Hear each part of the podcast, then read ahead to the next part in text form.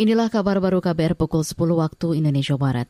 Indeks harga saham gabungan di Bursa Efek Indonesia selasa pagi ini dibuka menguat 0,37 persen. Kelompok 45 saham unggulan atau indeks LQ45 juga naik 0,56 persen. Penguatan juga terjadi di nilai tukar rupiah yang ditransaksikan antar bank di Jakarta. Kurs menguat 0,02 persen ke posisi Rp14.000 per dolar Amerika Serikat dari posisi penutupan perdagangan kemarin. Penguatan ini juga terjadi di bursa saham dunia. Bursa Wall Street mencetak rekor penutupan tertinggi sepanjang masa pada Senin atau Selasa pagi waktu Indonesia Barat. Penguatan dipicu oleh prospek pemulihan ekonomi lebih cepat dari krisis kesehatan global. Kita beralih ke berita selanjutnya. Gubernur Jawa Barat Ridwan Kamil berencana menambah 1.500 posko COVID di desa atau kelurahan. Kata dia tahun lalu di daerahnya telah berdiri di posko COVID di 3.800 desa atau kelurahan.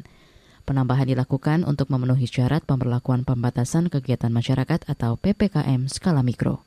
Jadi mana desa yang zona merah, mana yang zona hijau, itu kita tidak akan menggunakan data pusat karena masih bercampur dengan kasus lama sehingga kita akan gunakan data lokal sehingga petanya baru bisa hadir besok mana desa-desa yang merah, oranye, kuning maupun hijau.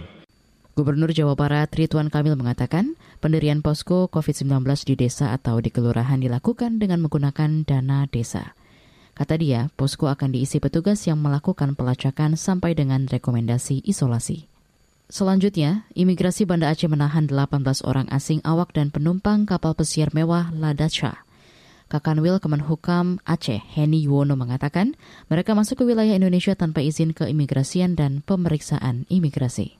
Diketemukan bahwa ada uh, orang asing yang ilegal, dalam hal ini masuk ke dalam wilayah kita, terdiri dari 9 orang tadi, warga negara Inggris atau United Kingdom, satu orang Spanyol, satu orang Filipina, empat orang Netherlands, satu orang Jerman, itu termasuk uh, mereka adalah uh, kapten kapal yang dari Jerman itu, dan satu orang dari Belarusia dan satu orang warga Kanada.